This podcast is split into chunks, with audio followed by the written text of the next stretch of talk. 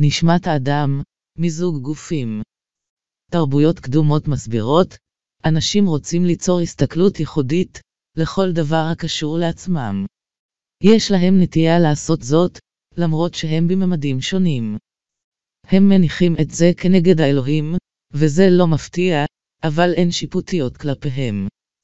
כל מה שיש לאדם, והמציאות שלו, היא מציאות האדם. לכן האדם, שם את מה שהוא חושב שהוא יודע, כנגד האלוהים, ולא את מה שהוא לא יודע. כדוגמה, שנשמת האדם, אינה אנושית כלל. המקור הבורא של היקום, תמיד היה, ותמיד יהיה. אנשים מתייגים אותו כאלוהים, או שמתייגים אותו כרוח. אנשים אומרים, שהוא מורכב מחלקים, של כל מה שקיים. הם צודקים, כי אפילו, לפני שהיקום הזה היה קיים, הוא היה שם. הוא אחראי לכל מה שקיים בכל מקום, כולל היקומים הקיימים, ועוד לפני היקום הנוכחי. הם קיימים כבר בדו-קיום. אנשים אינם יודעים מאומה עליו. הוא המקור הבורא. למקור הספציפי, שאותו מכנים אלוהים, יש מרק אנרגיה. המרק הקוונטי הזה, הוא מעבר לפיזיקה. זה מעבר לפיזיקה קוונטית. זה תחום בפני עצמו, בו האלוהים מרהיב, נפלא. גם האדם היה שם, מכיוון שעצם ליבתו, היא חלק מהאלוהים. תרבויות קדומות מסבירות, שהן היו רוצות, שבני האדם יבינו את זה באמת. שאנשים ינסו לדמיין שהם שם, למרות שהם כעת, לא יכולים לראות, שום חלק ביקום היפה, את עצם היצירה עצמה, או להתקיים מול הסופרנובה, לראות כיצד היא עובדת, מתפוצצת, ואור שהיה קיים, מכל זה בידיעה. זה היה חלק מהפיזיקה הטבעית, זה חלק מתהליך היצירה, וכך מחזורי האנרגיה, לא יפגעו באדם בהגיעם. האדם יוכל לראות ולשמוע כל ממד שקיים.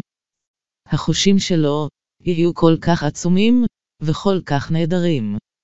האדם ידע על דברים במרחקים גדולים, כאילו הם קורים בבת אחת מסביבו. הוא יוכל להפריד כל דבר, לא משנה היכן הוא היה, אפילו לאחוז בתמונה שלו. המקור הבורא הוא כזה. כל מה שהאדם יכול לדמיין, הוא אלוהים, הוא גדול יותר, מכפי שהוא יכול לדמיין והוא היה שם. התרבויות הקדומות מסבירות, האדם הוא חלק מהם, והם חלק ממנו. זה אחד הדברים, שהכי קשה לתפוס אי פעם. המוח הלינארי לא מבין את זה, וזו גם הכוונה. כי אם האדם, יכול היה לראות מי הוא, לא היה נשאר במקום, והיה מי שהוא. לכן זה מוסתר ממנו.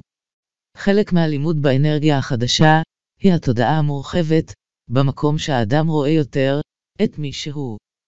התודעה המורחבת, היא לא רק על גילוי ביולוגיה חדשה.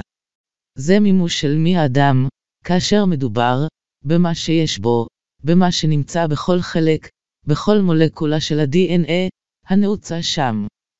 הבורא, הוא בצורה שהאדם לא יכול לפרוט, הוא לא יכול לספור את זה.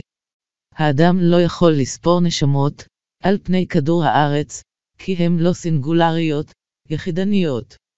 כך שמתוך המרק שהוא האלוהים, הפכה להיות רוח האדם, וזה החלק הקשה להסבר. אם זה מבלבל, את הנחשף בהמשך קשה להכיר בקלות. זה לא משהו, שהאדם באמת מוכן להבין באופן מלא. אך למרות שזה מבלבל, חשוב להבין את הגדולה של זה. הדבר הגדול הוא, שהאדם הוא חלק מהמקור הבורא, ויש לאדם עוצמות הומניות, הפורצות ממנו. האדם הוא האלוהים, הוא לא רק חלק מהאלוהים. כי מרק האלוהים, לא ממדר עצמו, ומחליק לתוך גופי האנוש, עם שמות ואישיות. הנשמה הנמצאת באדם, היא לא יחידנית, אלא היא חלק מהשלם. זה קל לומר, אבל קשה לתפוס. כאשר אדם מסתכל על בן אנוש אחר, ונותן לו כבוד, ומברך את האלוהים שבפנים, הוא אומר לעתים קרובות נמסטה. בדרך הזו, הוא מברך את האלוהים שבתוכם, אותו האלוהים שבתוכו. התרבויות הקדומות שואלות, האם בני אדם חשבו אי פעם, שהם מאותה נשמה. לא. לאדם אחד יש את נשמתו, ולשני את שלו. זה מה שהאדם חושב, וזה הכי טוב, שהוא יכול לעשות. כי אם משלבים אותם יחד, זה מייצר בעיות במחשבה. המחשבה שהיא לינארית, היא רוצה שהנשמה של האדם תהיה שלו בלבד. לכן היא תמנע מהאדם להבין את המסר הזה. כאשר אדם חוצה את גשר ההבנה, הוא יבין את זה. כי זה מעצים את הדברים, ולא משנה אותם, ולא מחסיר מהתפארת שלהם. אין דבר כזה, יחידני או יחיד, כך שזה תמיד קשור לשלם. מרק האלוהים תמיד נמצא, במרק שניתן לקרוא לו קולקטיב. הוא לא מפריד עצמו, לפיסות ולחלקים ממנו.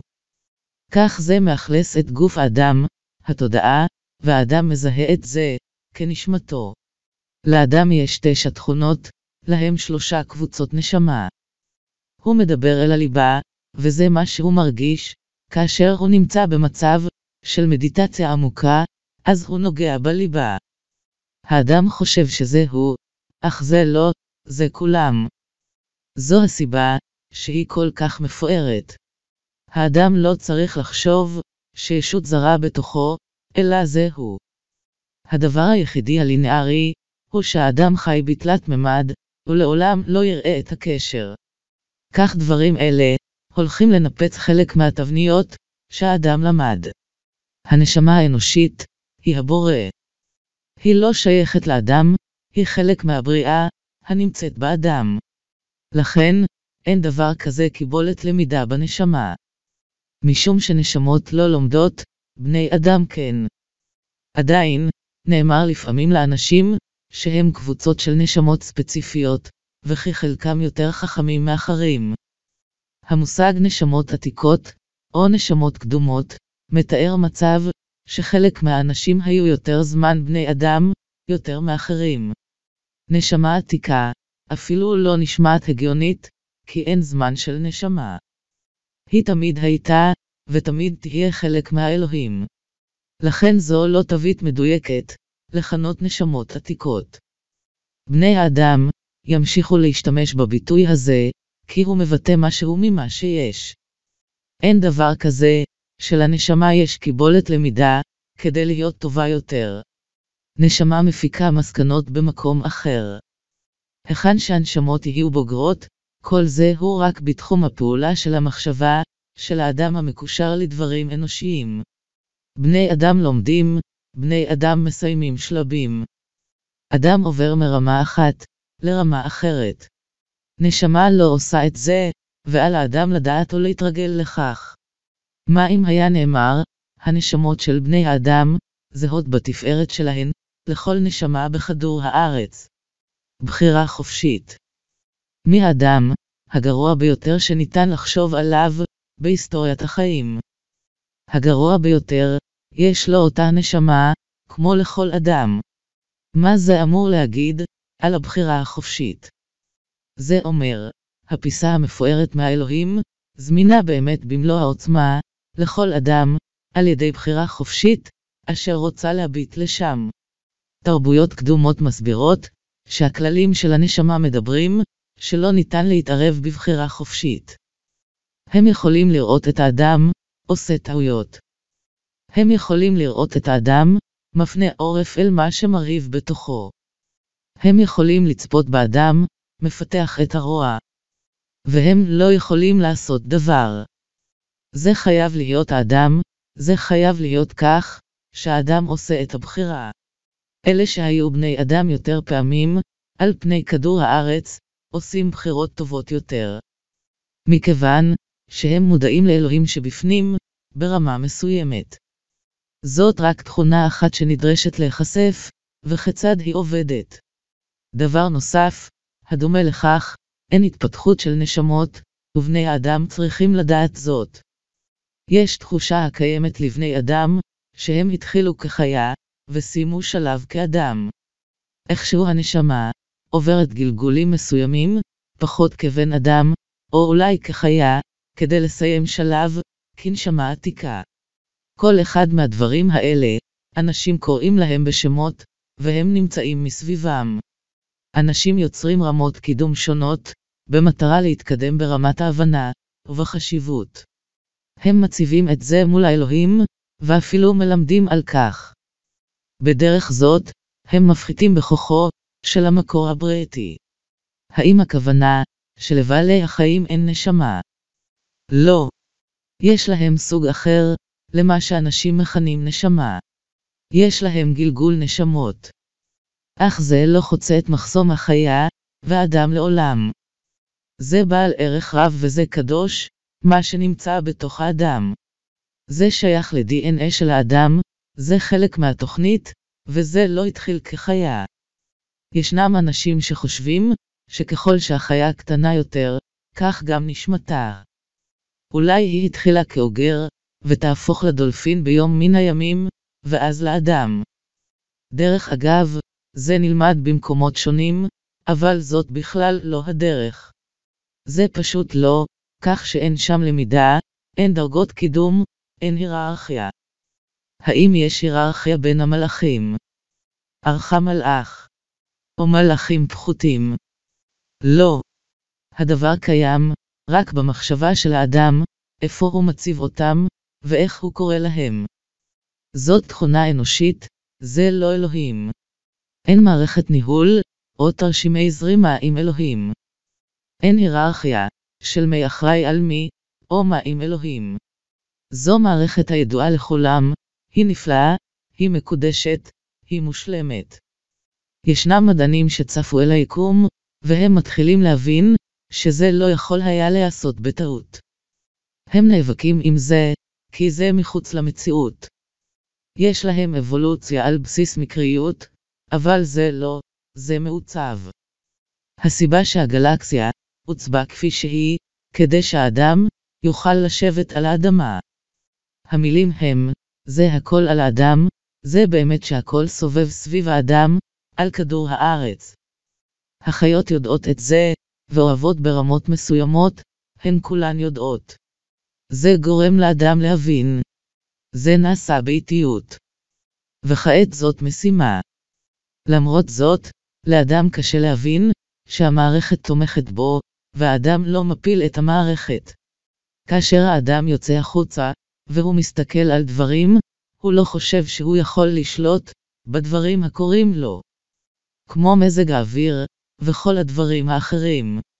הוא פשוט קופץ ממקום למקום, וכל אלה הם הזמנות בשבילו לשינוי. ניתן לראות את זה באנשים שחיו חיים אומללים מאוד, וכל דבר אפשרי רק קרה להם, בכל נקודת זמן. לאדם המסוים הזה, הייתה הזדמנות נהדרת, להביא עצמו לנקודת האפס, ולקחת את ידו של האלוהים. במקום להפנות את העורף, ובעצם לשפר את חייו. להבין ולהפנים, זו הבחירה המוקדמת. כמה מהקוראים, יסתכלו על החיים ויאמרו, טוב, זה לא הגיוני בעיניי, כי זה נראה אכזרי כך או כך, או שזה קרה להם או לי, אני לא מבין. כל אלה היו אפשרויות מפנה סינכרוניות ופוטנציאליים. חלק מהאנשים יתפלשו בצערם, וחלקם ייקחו את ידו של האלוהים, ויתקדמו קדימה, לעבר נקודות ההחלטה. האנושות עוברת תהליכים, לא תמיד דרך צער. לפעמים דרך שמחה, והחגיגה תלויה במי הוא האדם, והיכן הוא היה כנשמה עתיקה. הנשמה של האדם, היא לנצח, ולא ניתנת לשינוי, היא מושלמת ונפלאה. התרבויות הקדומות מסבירות, שאנשים קוראים לנשמה העצמי הגבוה. זה העצמי, שרוטט גבוה יותר מהאדם, ועושה את חלק האלוהים, אבל האדם עדיין רוצה, שיהיה לו שם. לנשמה אין אישיות, אין לה שום תכונות אנושיות בתוכה. אם ניתן היה לראות את התמונה, היה אפשר לראות את שלמות היקום, בה האדם משתף, או משתתף, עם כל אדם אחר בכדור הארץ. מה הגביר את התודעה האנושית באמת? בניית הגשר ליצירת קישוריות, כאשר אדם מתחיל להבין, שבאמת כל בני האדם הם אותו דבר. התרבויות הקדומות מסבירות, שהתפתחות הדת, על פני כדור הארץ, תשתנה באופן התארגנותה. הדת תעשה שינוי, ועל ידי כך תשרוד.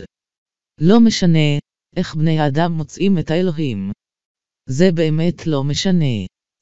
יהיו רמות של ידע אנושי, בהבנה של מי הוא האלוהים. חשוב שכל התהליכים יישארו, כדי שלאנשים תהיה את האפשרות להתחיל את התהליך שהם רוצים. וידיהם יהיו מוחזקות, בזמן שהם עושים את זה, על ידי המאסטר. מה לגבי הדת המאורגנת? וכיצד זה ישתנה?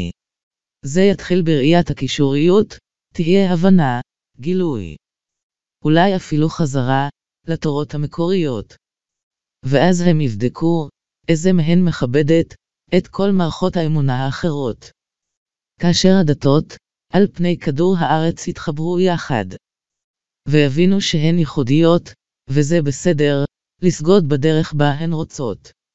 אז תיראה התרחבות בכדור הארץ, של עבודה רוחנית, ידע, הבנה וחמלה. אבל כל עוד הדתות, יהיו בקבוצות נפרדות האומרות, אנו יודעים, איך לעבוד את האל האחד טוב יותר, מכפי שאתה יודע. איך לעבוד את האל האחד, הם יהיו בצרה. מושג הדת לא יקטן, או ייעלם, הוא ילך ויגדל. במיוחד אותה הדת, שתגלה חמלה לכל האחרים. יש הכרה מלאה, באל מונותאיסט, אל אחד. ומרבית כדור הארץ, מאמינים לו בחיים שלאחר המוות. למרות זאת, האדם מחלק עצמו, לאלפי חלקים המחליטים, מי הצודק לעבוד את האל האחד, וזה הולך להשתנות. זה מדבר על קישוריות, דבר שיאתגר את תפיסת הקישוריות. התרבויות הקדומות מסבירות על שיתוף הנשמה. אולי חלק מהקוראים לא יאהב כל כך, כי זה שובר את תבנית המחשבה המסורתית. לכן ההסבר יתחיל מהחלק הקל, בפשטות, ואז יעבור לשיתוף נשמת הלב. האם המושג הרוחני, מיזוג גופים מוכר? מה האדם חושב שזה? מה שלימדו את האדם על כך, מייצר בעיות היגיון, ובעיית ייחודיות הקיימת. כי לא פעם אמרו לאנשים, שאדם עבר לעולם הבא, והוא יחזור. אבל, כדי לחזור במהירות, ולעבור תקופת התבגרות, במטרה להשיג דברים מהר יותר, הם ישתפו את הנשמה, בערך בגיל 8 עד 13, עם נשמה אחרת שהתבגרה כבר, וזה מיזוג גופים. כך יש לאדם, כביכול שתי נשמות בגוף אחד. עכשיו, למיזוג גופים יש כבר תכונה. אז מה קורה לנשמה הראשונה? האם היא כפופה לשנייה?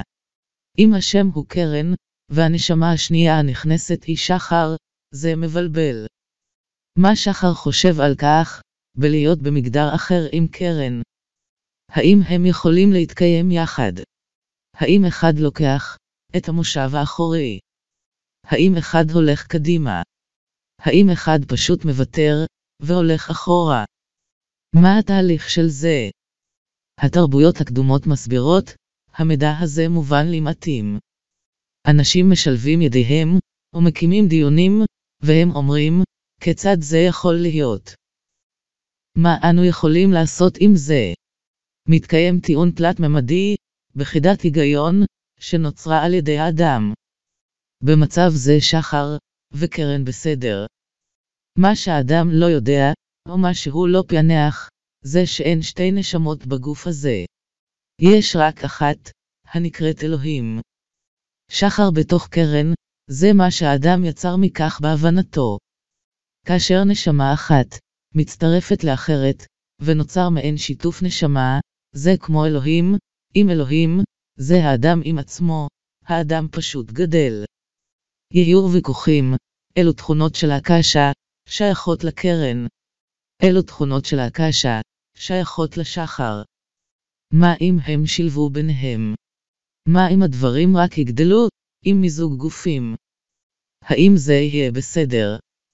המטרה המרכזית במיזוג גופים, הוא שילוב הקשה. כך שהתנסויות מתקופות חיים רבות, מלבד מה שהאדם חושב שהוא ייחודי, כל חיי העבר שלו, משתלבים בתוך אדם אחר, אשר הופכים לאחד. זה מבלבל, זה גדול יותר מכפי שהאדם חושב. אין פאזלים לפענח, עם הוד מעלתו אלוהים, במיזוג גופים. זה נפוץ מאוד, במיוחד שנשמה עתיקה, עוברת לעולם הבא, וחוזרת במהירות, לאחת שכבר התבגרה.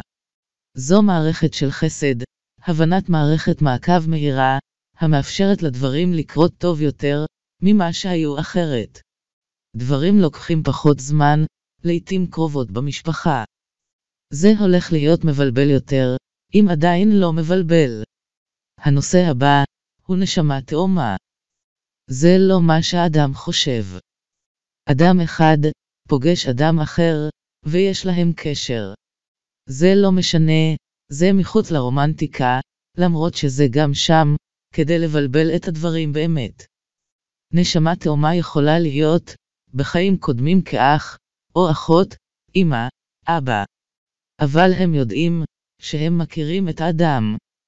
הם חושבים כמו האדם, הם יכולים לנהל שיחה, או להביט זה בזה בעיניים, ולהיות מופתעים. להרגיש, שהם בילו תקופות חיים יחד, בחשיבה משותפת, ובליטות על רעיונות. ישנה המשיכה הקיימת, עם אותו אדם.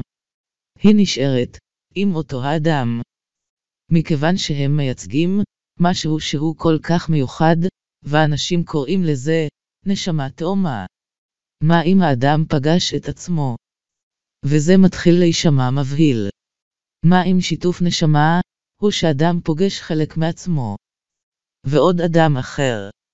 אם דבר זה, היה מוסבר מלכתחילה, הקורא היה עוצר מיד ואומר, זה לא בשבילי, זה לא יכול להיות בשבילי. במטרה להבין את ההמשך, האדם צריך להשתמש בהבחנה שלו. אם אלוהים הוא לא יחידני, והאדם הוא חלק מהשלם, אז כולם נמצאים באדם, והאדם נמצא בכל אחד אחר. למה זה כל כך מבהיל, שהאדם יראה חלק מעצמו, באדם אחר? כי זאת הדרך, ששיתוף נשמות עובדת. זה דבר שקשה לתאר. כי האדם רגיל, להפוך דברים לעיניים יחידניות, במקום לראות את תפארת האלוהים. האדם הזה, שהוא רואה חזרה, הם היו יחד, בגוף אנושי בעבר. זה מה שנשמה תאומה היא. לא פלא, שהאדם נמשך עליהם, והם אליו, אי אפשר להסביר, את שיתוף הנשמה, באופן משביע רצון לאף בן אדם, בעל ממד חד-ספרתי. קיימת מערכת, של גלגול נשמות, המכבדת את המשפחה. ולכל הפחות, למערכת יש דור אחד, המדלג על גלגול נשמות בתוך המשפחה רוב הזמן. זה שתי דורות, אבל לעתים קרובות, הוא בכל הדור האחר ולא העוקב. זה מאפשר לנשמות חדשות, להיכנס וללמוד, ולכל הנשמות להיות ילדיהם, ההורים שלהם. זה מערבב אותם, זה מועיל לשניהם. למשל, נשמה עתיקה שהילדים שלה, הם כנראה לא, אבל הנכדים שלה, הם כן. כך זה מדלג מעל כל דור אחר. אנשים, מכירים את ילדיהם טוב יותר מכולם. אבל כאשר הנכדים מגיעים, האדם רואה בהם, משהו שהוא זיהה. כל זה מאוד מובן לאדם, כל עוד הסבים והסובתות נפטרו. אבל אם הם בחיים, יש בעיה, כי הוסבר, שהנכדים של האדם, יכולים להיות הוא עצמו. מה האדם חושב על כך? הוא מסתכל בעיניהם, והוא יודע מה נמצא שם.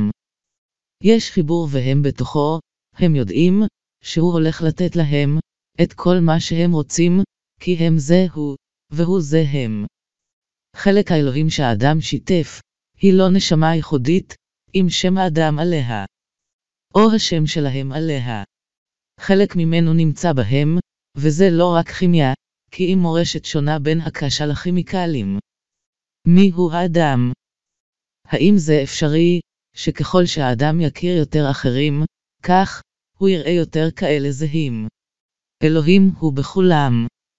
הקישוריות, פותרת את הבעיות של האדם.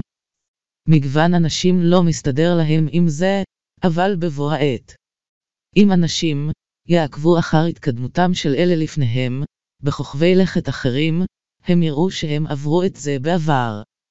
יגיע הזמן, שהאדם יאשר קודם כל, את הדומה הנעלם, ואז השוני באישיות, יהיה במקום השני. זה הסוד להשגת שלום על פני כדור הארץ, הסתכלות על השני, בידיעה והכרה ברצונותיו, הזהים לאדם. אז זאת תהיה חמלה ולא תחבולה. נדיבות ולא בריונות. דבר זה מאפשר להתחיל להסתכל ולראות מה זה יוצר באישיות באופן שונה, מלבד האלוהים שבפנים. האדם יראה את מידת ההתעוררות שלהם, ויעזור להם לעשות את מה שהוא עשה. מה שהאדם יכול להראות להם, בחינניות ובבגרות איך הוא חי. זה הכלי היחיד ללימוד אנשים אחרים על אלוהים. התרבויות הקדומות מבקשות לספר על העץ הנצחי בשם אלה. למרות שמשלים לא עושים הרבה היגיון, בגלל שהם אלגוריות. אבל נדרש לתאר עדיין את החלקים בתלת ממד. אלא, לא באמת קיימת בטבע באותה הדרך. אבל זה סיפור, וזה קרוב מספיק, לדרך שהטבע נוהג לעשות. וכדי שניתן יהיה להבין את אלה. לאלה הייתה מהות על עצמה כעץ, המהות של גאיה הייתה שם, והיא ידעה על כך. לאלה היה תודעה של צמח מפואר, וזאת הייתה המטרה שלה. מטרתה היחידה הייתה לצמוח ככל שהיא יכלה. לתת חמצן לכוכב הלכת של האנושות. אלה הוציאה כלפי מטה אל האדמה, שורשים כעצים, והמשיכה לעשות זאת, בזמן שהם גדלו. היא יכלה להרגיש את השורשים שלה, יורדים מטה. כך הם ספגו את הדברים, שהיא הייתה זקוקה להם, לצמיחתה. המשאבים של עפר אדמה, היו בתוך שורשיה, והיא גברה. כאשר היא גדלה, השורשים שלה התפשטו יותר, כדי לעגן את הגודל שלה, שהתנוסס בהדר. היא ייצגה את היער שלה. אלא, לא הייתה ממש מודעת לכל השורשים, שהיו רבים כל כך לאורך הזמן. אבל אחד מהם במיוחד, מצא דרכו חזרה לפני השטח, מרחק רב ממנה, במטרים רבים ואז נבט. הנבט הזה הפך לעץ. הנבט הקטן הזה, התחיל לצמוח בדיוק כמו אלה, והיה לו שם דקלה. אלה צפתה בדקלה מתבגרת. כאשר דקלה, צמחה מהשורשים של אלה. דקלה, במשך תקופת זמן, הוציאה מטה אל האדמה מספר שורשים, ואותו דבר קרה איתה. באותה תקופה, לאלה היו נבטים אחרים, שהתפתחו בכיוון השני. הם היו נבטים של אלה, כמו העצים האחרים, עם שמות אחרים. ניתן להבין שיש יער, וכל השורשים מחוברים, כולם מחברים, בין כוח החיים, של החומרים המזינים בכדור הארץ, המתפרצים בכל אחד מהם. אין שום התחלה, או סיום של שורש כלשהו. כולם קשורים זה לזה. ברעיון שהתקיים עם אלה. היא נשאלה, מי את, כאשר את מסתכלת סביב היער? האם את אלה? האם את גם דפנה? אלון. ורותם. מי את? אלה, עמדה זקופה ואמרה, אני כולם, וכולם אני. מכיוון והשורשים שלנו משולבים יחדיו, מאותו מקור. חשוב לראות ולהבין את זה. זו מטאפורה של האדם בטבע. ניתן לראות את הדברים כפי שיש לאדם. אלא שהאדם אומר, כמה שאני ייחודי.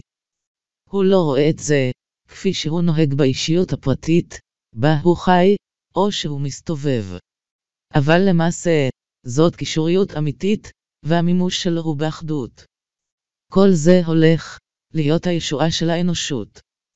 אבל, יש צורך להבין את זה. להתחיל להבין, פשוטו כמשמעו. להתחיל בהבנה של האדם, שהנשמה שבתוכו גדולה יותר, מכל מה שאי פעם חשב. לנשמה אין אישיות. לא כמו שאנשים חושבים, אבל יש לה תכונות. יש בה אהבה מושלמת, וגמילת חסדים, במה שהאדם מרגיש. יד הנשמה היא אלוהים. תמיד פתוחה בפני האדם. ברגע שהאדם נולד, ההזמנה ניתנת, לגלות מי הוא. לקחת את היד הזו, ולעבור למצב, שבו האדם יכול לשנות את כדור הארץ, כנשמה עתיקה. תרבויות קדומות מסבירות לקורא, אתה חיית מספיק זמן, כדי להגיע למצב הזה, ולפגוש את המידע. זה הזמן, לקחת את היד הזו. זה חייב להיות, בבחירה חופשית של האדם. בכוונתו. בהבנתו. זה מה שהוא צריך לעשות. האדם לא צריך לעשות שום דבר, כי הוא צריך, או בגלל שנאמר לו, אלא בגלל שהוא חש. הוא יכול לשבת לבד על כיסא, לשאול את גופו, האם יש עוד? והוא יצטמרר בתגובה. הדבר הראשון שיאמר, לקח זמן רב לשאול, ויאמר כן. זו תחילת הגילוי. ישנם אנשים שעשו זאת. הם התחילו לעשות זאת, עם עצמם. הם חששו, מאיזה אנרגיה מדברת מתוכם. איך זה יכול לעשות זאת? אבל המוח הלינארי, הוא עובר דרך מסורת ומתאמן. בתחילה, דרך מידע שגוי הנמצא בו, עד אשר הוא מגיע, למקום של רגש טהור, שהוביל אותו למקור. זאת הזמנה, לכל בני האדם בכדור הארץ. אם האדם יירגע, וידבר עם זה, כזרם העובר בגופו, הוא צריך לתת לזה, לעזור ולהדריך אותו לאמת. האדם, לא צריך להקשיב לאחר. הוא צריך, להתחיל להקשיב לעצמו. להתחיל לשאול עצמו, ואת התאים שלו, מה הוא רוצה לדעת, וזה יאמר לו. סיכום האם התקשור של האדם עם עצמו, הוא אמיתי או לא? על האדם, להשתמש בשיקול דעתו והחלטתו, בכל אחת מהמילים. השיחה שתתקיים, היא בשפה שלישית. שאלה, ובקשה בלחישה. הקשבה, והקשבה. האדם הקורא, הוא נשמה עתיקה, שהגיעה בגלל זה. הוא מביא את התקווה של כדור הארץ, בהקשבה, בהכרה אמיתית, ובשימוש בזה. אור ואהבה.